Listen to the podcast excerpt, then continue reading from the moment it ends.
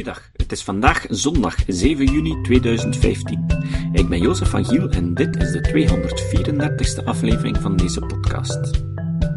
Vandaag horen jullie het tweede deel van het klimaatdebat.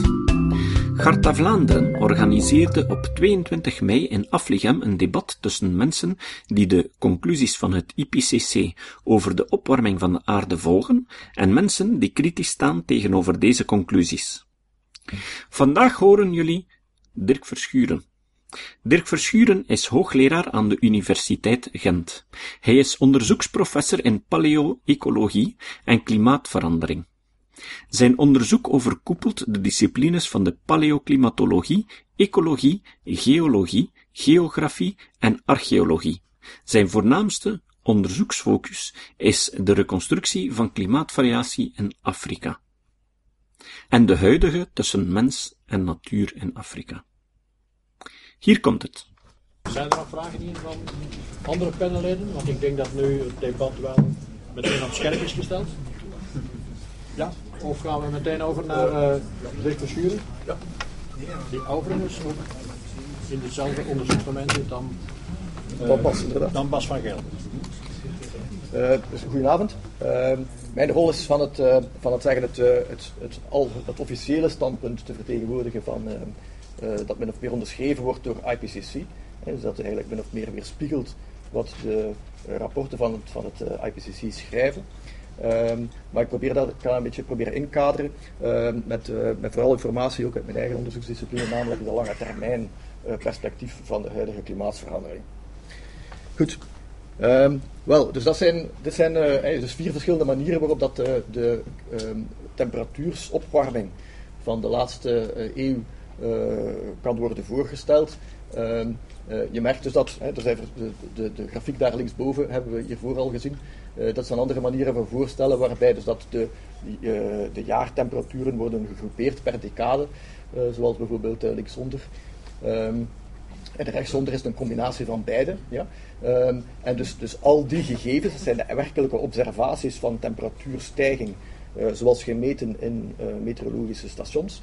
En na correctie uh, van zogenaamde urban heat islands, dus eigenlijk de warmere steden dan het platteland. En dan kan je zien dat effectief uit de totale stijging van de wereldwijd gemiddelde jaartemperatuur bedraagt dus 0,8 graden sinds 1900. Um, en um, als je enkel en alleen de continenten bekijkt, dus niet de oceanen die trager opwarmen zoals uh, Bas net zei, dan is de totale stijging sinds 1900 al 1,4 graden. Nu, um, er is inderdaad veel te doen over het feit dat de temperaturen sinds uh, de, het, de wisseling van het millennium, sinds rond 2000, uh, dat de stijging lijkt, blijkbaar iets begint af te nemen of te vertragen ten opzichte van de zeer sterke stijgende trend uh, uh, tussen de midden jaren 70 en 2000. Um, ehm, en dus um, is het goed om een keer na te kijken van oké, okay, welk zijn eigenlijk de verschillende mogelijke natuurlijke klimaatprocessen naast de antropogene klimaatopwarming die de stijging van de laatste eeuw kunnen verklaren. Um, op korte tijdschaal, dus laten we zeggen, hè, dus verschillen in opeenvolgende jaren, je spreekt wel op wereldschaal, gemiddelde wereldtemperatuur, niet regionaal, is het zo dat er eigenlijk uh, maar twee uh, heel belangrijke natuurlijke uh, fenomenen zijn die een rol spelen. En dat is enerzijds grote vulkaanuitbarstingen, maar enkel de hele grote, bijvoorbeeld dus die klimaatuitbarsting van 2000, sorry, de vulkaanuitbarsting van 2010 in IJsland had een relatief beperkt effect. Maar de drie echt grote vulkaanuitbarstingen van de laatste 50 ehm, jaar, 60 jaar, die hebben inderdaad wel uh, op wereldschaal een afkoeling veroorzaakt in de op, op daaropvolgende jaren van, laten zeggen, uh, 0,2 uh, graden. Uh, een andere belangrijke natuurlijk fenomeen ja, is, zijn de, het El Niño-La Niña-patronen, ja, waarbij dat over het algemeen El Niño-jaren zorgen voor een opwarming op wereldschaal. En La Niña-jaren, zoals we er recent een aantal gehad hebben, je ziet daar de blauwe kolommen, zorgen over het algemeen voor een, een afkoeling, een tijdelijke afkoeling. Ja. Um, maar hier dus de rechtse grafiek staat ook al het jaar 2014. En daar zie je dus inderdaad, dus de 2014 is op dit moment uh, het, ja, het, warmste jaar uh, gemeten op wereldschaal. En dus is, is de vraag van oké, sinds, sinds 2000 lijkt dus die stijging een beetje af te nemen. Een van de belangrijke redenen waarom dus dat die zou kunnen afnemen is inderdaad zoals Bas net vertelde, um, is effectief het, het schijnbaar um, afnemen, ja, tijdelijk afnemen van de intensiteit van de zonnestraling zelf. Ja? Waarbij dus dat je, dus hierboven, dat is ook de grafiek die hij ook zelf heeft getoond. In de bovenste grafiek zie je de variatie in zonnestraling zoals die wordt gemeten door satellieten vanaf het midden van de jaren, vijf, van de jaren 70.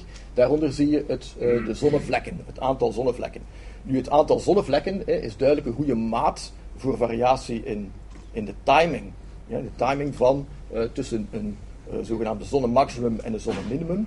Ehm, maar je moet natuurlijk wel er rekening mee houden dat het verschil in eigenlijke stralingsoutput, stralingsintensiteit van de zon, eigenlijk maar een fractie van een procent is, zoals je bovenaan kan zien. Eigenlijk maar ongeveer een, een, een tiende van een procent is het verschil in stralingswarmte tussen een zonnemaximum en een zonneminimum. Dus vandaar dus dat zelfs uh, dat uh, modern maximum, waar uh, Bas het over heeft, dat is effectief maar een kleine fractie van een procent verschil in zonnestraling. Dit evenwel zonder de versterkings, potentiële versterkingseffecten waar Bas het over had. Ja. Maar dus algemeen kan er worden gezegd dat, laten we zeggen, van uh, de recente opwarming van de laatste eeuw, uh, dat uh, dat maximum ongeveer 7% van die opwarming kan worden toegeschreven aan dat effectief het feit dat gemiddeld genomen, en zeker sinds de jaren 40, de zon iets wat harder heeft geschenen dan normaal. Goed, uh, een andere belangrijke reden, ja, en dus, Bas heeft ook al naar gealludeerd, uh, is, het, ehm, is het fenomeen dat, hoewel dus dat de, de atmosfeer duidelijk gemakkelijker opwarmt ja, dan de oceaan, omdat de oceaan natuurlijk, eh, laten we zeggen, een zeer grote isolator is, ja, van eh, een zeer grote massa, maar waarin dat de warmte moeilijk doordringt en waarbij dat constant door de menging van het water um, andere waterdeeltjes aan het oppervlak komen die telkens opnieuw moeten opgewarmd worden. Ja? En dus uh, op termijn weten we dat het overgrote deel ja, van de energie, ja, de stralingsenergie die we in de atmosfeer pompen door onze broeikasgassen, dat die uiteindelijk in, de oceaan moet terechtkomen. Maar dat gaat zeer traag. En dus in afwachting is er eigenlijk een soort van een inbalans in de opwarming tussen de, uh, van de atmosfeer en de opwarming van de oceaan. De oceaan warmt trager op. Um, maar nu blijkt zo te zijn, dus uit metingen, hè, dus uh, uh, sinds de jaren 60, uh, ehm, heeft men een keer al de metingen van uh, temperatuursprofielen die gemeten zijn in de oceaan, en dat zijn dus al enkele duizenden profielen, hoewel natuurlijk de oceaan is zeer groot, dus het blijven nog altijd maar puntobservaties, ja, blijkt inderdaad dat zeker hè, sinds de jaren, sinds de jaren 60, ehm, dat, dat er wel degelijk een deel van dus die extra energie die wij in de atmosfeer pompen ook naar de oceaan wordt getransfereerd. En waar, waarbij ook blijkt uh, dat wat te maken heeft met een, een, zeggen, een variatie in uh, oceaancirculatie in de Stille Oceaan ten opzichte van de Atlantische Oceaan. Dat er sinds 2000 iets wat een versnelling is van de, van de, van de opname van die warmte in de, in de oceaan. En als gevolg natuurlijk ook een tijdelijke uh, uh, minder snelle opwarming van de, van de atmosfeer, omdat de atmosfeer meer van zijn overschot kwijt kan aan de oceaan. Maar de vraag is natuurlijk, hè, dus, dus zeggen, de opwarming van de, van de warmteinhoud van de atmosfeer blijft redelijk plat sinds 2000, terwijl die in de oceaan sterk is toegenomen. Uh, hoe lang dat gaat blijven duren, dat is natuurlijk uh, zeer onzeker. We zouden kunnen hopen ja, dat die stijgende trend uh, blijft duren, zodanig dat eventueel op die manier de atmosfeer minder snel opwarmt. Ehm, maar de gegevens geven niet aan dat dat, dat een redelijk, uh, laten we zeggen, een verwachting zou kunnen zijn. Het kan effectief ook redelijk snel stoppen. Goed, dus wat het zeker nu met het, het, het, jaar 2014, dat nu het, warmste jaar is dat ooit is opgemeten, uh, erbij bijgenomen, kun je merken dat eigenlijk die, die, die ganse zogenaamde pauze in de opwarming sinds 2000, is er eigenlijk is er eigenlijk nauwelijks. Het enige dat je kunt zeggen is dat het 1998 een exceptioneel warm jaar was, omdat er toen een exceptionele straffe El Nino is gebeurd. Ja? Um, maar um, maar het, het, is een beetje oneerlijk ja, om uh, een lijn te trekken die gewoon de top van het jaar 1998 uh, doortrekt naar het heden, om dan de indruk te geven alsof dat er een, een afplatting is van opwarming. Ja? In, in wezen is het zo dat zeker vanaf jaren 70 uh, gaat de temperatuur stijl omhoog. Ja. En dus algemeen is er eigenlijk, uh, dus, hè, dus de realiteit is dus effectief, hè, dus dat momenteel hè, de, de 15 warmste jaren die geregistreerd zijn sinds 1860 uh, liggen allemaal uh, na 2000, met uitzondering van 1998, die momenteel op nummer 4 ligt. Ehm, het, het, warmste jaar is uiteraard op dit moment 2014. Ja. 2010 ehm, ja, is het tweede warmste jaar dat ooit is gemeten op wereldschaal. Ja, ondanks, herinnert u, onze koude winter hier in België. Ja, uh, wat natuurlijk het contrast toont tussen regionale patronen en wereldwijde patronen. Ten tweede is het zo, hè, dus 1946 en 1976. Uh, sommigen onder jullie zullen waarschijnlijk oud, eh, oud genoeg zijn ja, om te herinneren dat dat effectief de twee warmste zomers waren sinds van, van, van de laatste eeuw. Um, wel, die komen zelfs op wereldschaal niet in de top 50 voor. Ja? En eigenlijk is het zo dat zelfs binnen België de temperaturen, als ik me goed voor heb, ja, dat sinds, laten we zeggen, de late jaren, uh, laat, uh, zeker de 15 laatste jaren, allemaal zeker warmer zijn dan 1976. Dus ook weer het contrast tussen regionale schaal en globale schaal. Oké, dus uh, de, eigenlijk de enige echte klimaatdrijver, ja, dus die, die, die, die duidelijke toename in temperatuur kan verklaren op wereldschaal, ja, is inderdaad die toename um, in CO2, die opgemeten is sinds uh, 1950, 1957 uh, in de Zuidpool, en dan natuurlijk ondertussen een wereldwijd netwerk uh, omvat. En waarbij dat, ehm, die, dat archief eigenlijk ook naar het verleden is doorgetrokken door metingen van CO2 in luchtbelletjes in ijskernen op Antarctica. En op die manier kan men duidelijk zien dat inderdaad tot ongeveer 200 jaar geleden het niveau van de CO2 in de atmosfeer redelijk stabiel was op ongeveer 280 deeltjes per miljoen. En dat met het in het begin van de industriële revolutie, dus in de 19e eeuw, duidelijk beginnen stijgen is. En dat op het moment van de start van de metingen we eigenlijk al een heel eind boven het natuurlijke niveau zaten. Goed. Um, dus, um, dus het idee is inderdaad, hè, dus dat duidelijk um, die, die stijging in CO2 is de potentieel belangrijke klimaatdrijver op die langere tijdschalen. Um, en dus kunnen we dan ook eens de reconstructies bijhalen van de laatste duizend jaar, in dit, wel de laatste 1300 jaar in dit geval. Um, en uh, zoals Bas al, heeft aangegeven, um, alles wat ouder is dan 150 jaar, zijn er geen effectieve metingen. Ja? En moet die informatie gehaald worden uit natuurlijke archieven van klimaatsvariatie. En hier rechts hebben we een aantal voorbeelden: koralen, ijsboringen, stalagmieten, fijn gelamineerde meersedimenten en ook uh, boomringen. Ja? Um, en elk van die reconstructietechnieken hebben natuurlijk hun um, uh, afwijkingen en, en, onzekerheden. Ja? Um, maar de kracht zit hem natuurlijk in de compilatie ervan, om op die manier eigenlijk de, de grote patronen eruit te kunnen distilleren. Ja? Maar het hangt natuurlijk ook weer heel sterk af of dat je dus die compilaties doet op regionale schaal dan wel op wereldschaal. En we hebben het hier over wereldschaal, zodanig dat uh, het kan vergeleken worden effectief met de huidige instrumentale metingen op wereldschaal. En dus uh, wat je dus in die, in die, dus in die onderste grafiek daar ziet, ja, is eigenlijk dus een reconstructie van de wereldtemperatuur op de afgelopen 1300 jaar. Uh, op basis van uh, al die, ehm, die natuurlijke archieven, waarbij dus dat die, zo, die zogenaamde hockeystick curve, waar dat curve waar dat was het over had, één van de reconstructies is, maar is maar één van de vele. Ja? Uh, en waarbij dus dat dus die onderste grafiek eigenlijk min of meer de overlap toont tussen de onzekerheidsmarges van al die reconstructies. Dus kun je eigenlijk min of meer zeggen dat de donkerste uh, zones, hè, waar dat dus eigenlijk het rood overgaat naar, naar donkergrijs, ja, uh, dat dat min of meer, laten we zeggen, uh, het, dat zeggen de, de meest aannemelijke waarde is van hoe dat de temperatuur in die periode precies was. Ja. En dat kun je duidelijk merken. Hè, je hebt daar inderdaad rond het jaar 1000 hè, duidelijk een beetje het uh, middeleeuws optimum. Je hebt daar inderdaad rond de jaren 1600 duidelijk uh, kleine ijstijd. Maar je merkt ook dat op wereldschaal, en de grafiek die Bas toonde was een grafiek die niet uh, was enkel dan duidelijk het halfrond.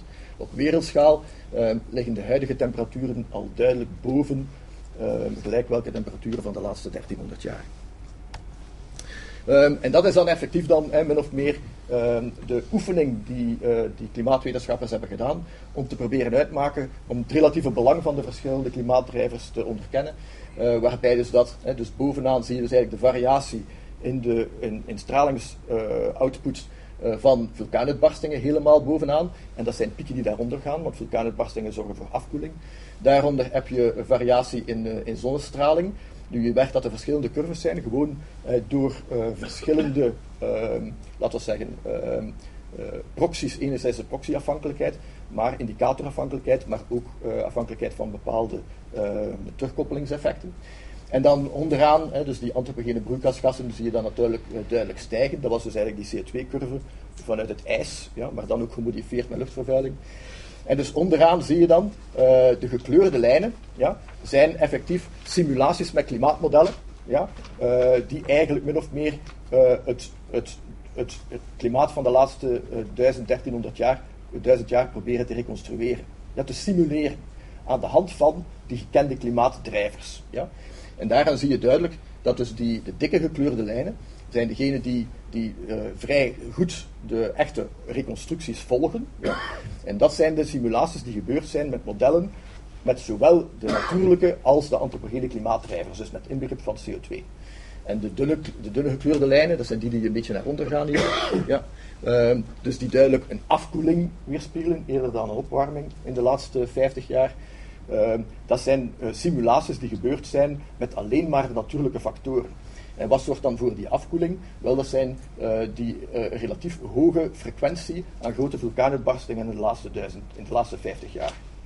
En dus het is eigenlijk, eigenlijk zou je kunnen zeggen, dus dat de afkoeling ja, door de hoge frequentie van grote vulkaanuitbarstingen in de afgelopen 50 jaar compenseert eigenlijk bijna volledig voor de beetje boven het gemiddelde zonneactiviteit uh, van die, in diezelfde periode.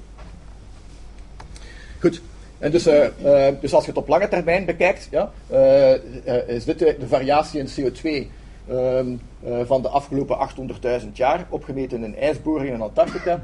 Um, dus met dus een minimum van 180 ongeveer tijdens de ijstijden en dus ongeveer een 300, 280 à 300 als een normaal interglaciaal niveau, dus van onze afgelopen 10.000 jaar.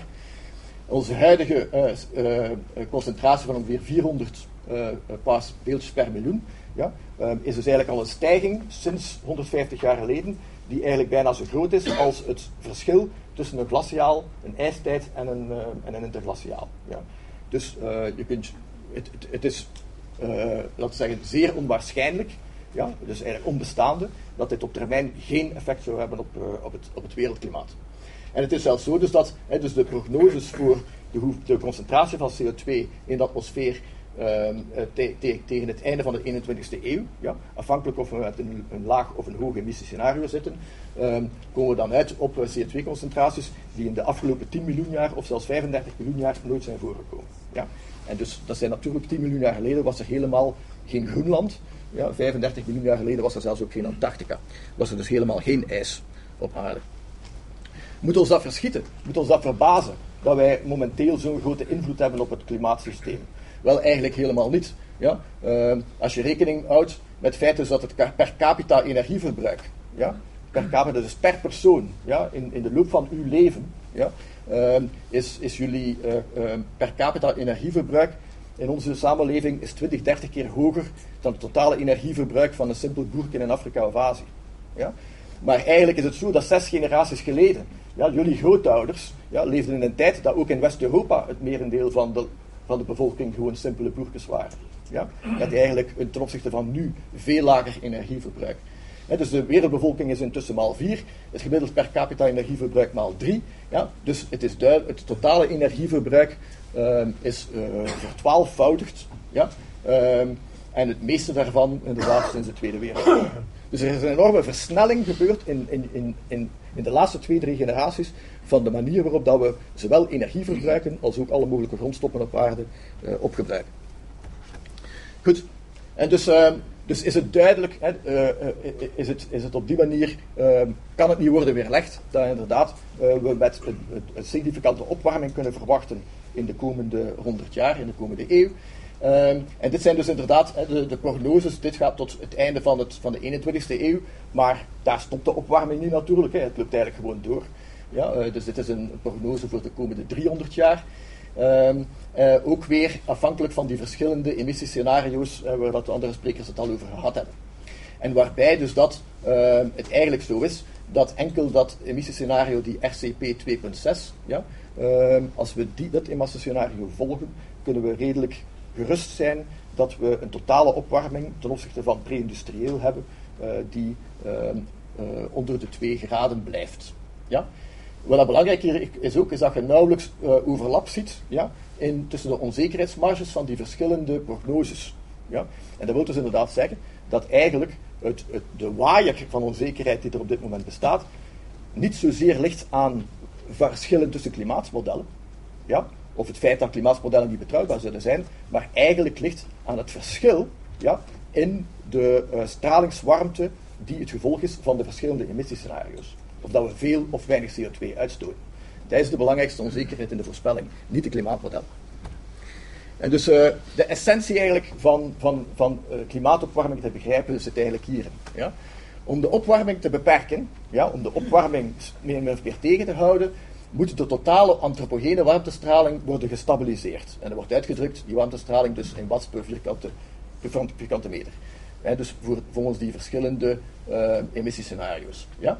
Maar dan moet natuurlijk ook de concentratie van de broeikasgassen zelf moet natuurlijk ook min of meer uh, stabiliseren. Wat is gebeurd dus in die groene, in die groene curve. Niet alleen CO2, maar ook methaan en uh, stikstofdioxide, die stikstofoxide en dergelijke. Ja?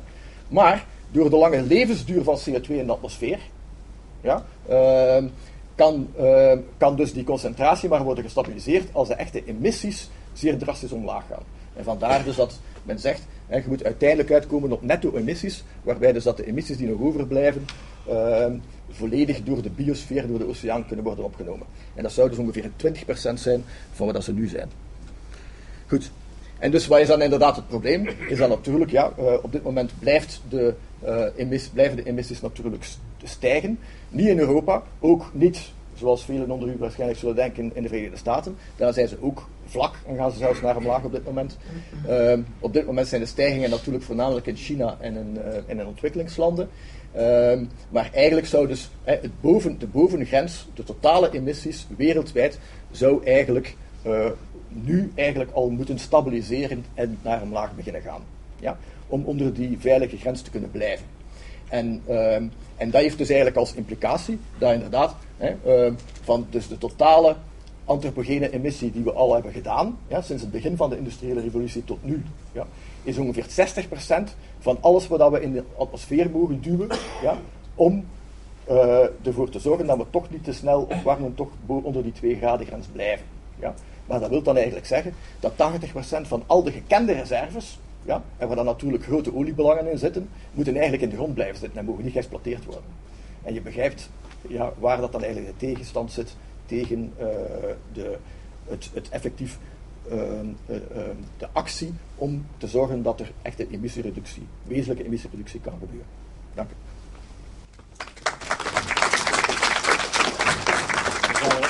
stel ik voor dat ik ook meteen doorgaat. Want we komen anders een beetje in tijd uit. Ja. Een heel klein vraagje. Ja.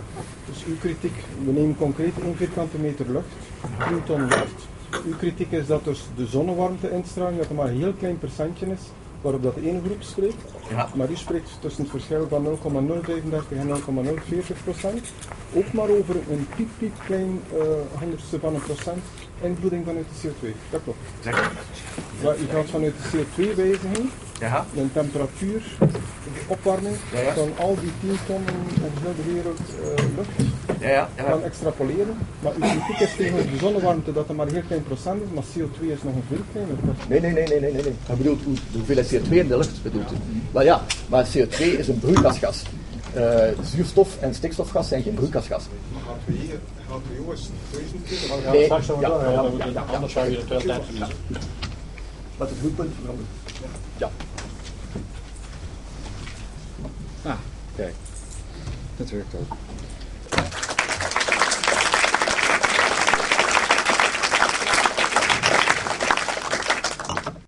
Zo, en volgende keer horen jullie Marcel Krok. Het citaat. Het citaat van vandaag komt van Stuart Brand. Stuart Brand is een van de medeoprichters van de Long Now Foundation, een denktank gespecialiseerd in lange termijn denken. Brand zei: Er wordt gezegd dat, met het klimaat, zij die er het meest over weten, het meest bezorgd zijn. En met nucleaire energie Zij die er het meest over weten, het minst bezorgd zijn. Tot de volgende keer. Deze podcast is het resultaat van het werk van veel mensen. Rick de Laat verbetert bijna al mijn teksten en maakt de meeste vertalingen. Emiel Dingemans verzorgt onze website en Facebookpagina. Ook Leon Korteweg en Stefan Sutens schrijven, vertalen of verbeteren soms artikelen. Leon onderhoudt bovendien het YouTube-kanaal van deze podcast. De muziek van de intro en de trailer heeft Nick Lucassen geschreven en soms maken we ook gebruik van muziek van Ad van Nederpelt, die ons zijn prachtige composities ter beschikking stelt. Dit was de podcast Kritisch Denken. Vergeet niet om alles kritisch te behandelen, ook deze podcast. Voor verdere informatie over deze podcast, links en voor de tekst, surf naar www.kritischdenken.info. Als je deze podcast belangrijk vindt, kun je me steunen door anderen warm te maken ook eens te luisteren. Stuur een e-mail naar vrienden met een link naar de website en plaats de link in de handtekening van je e-mails. Tevens kun je op iTunes deze podcast een beoordeling geven of een recensie schrijven. Of je kan op je eigen website of blog een link naar kritisch denken plaatsen.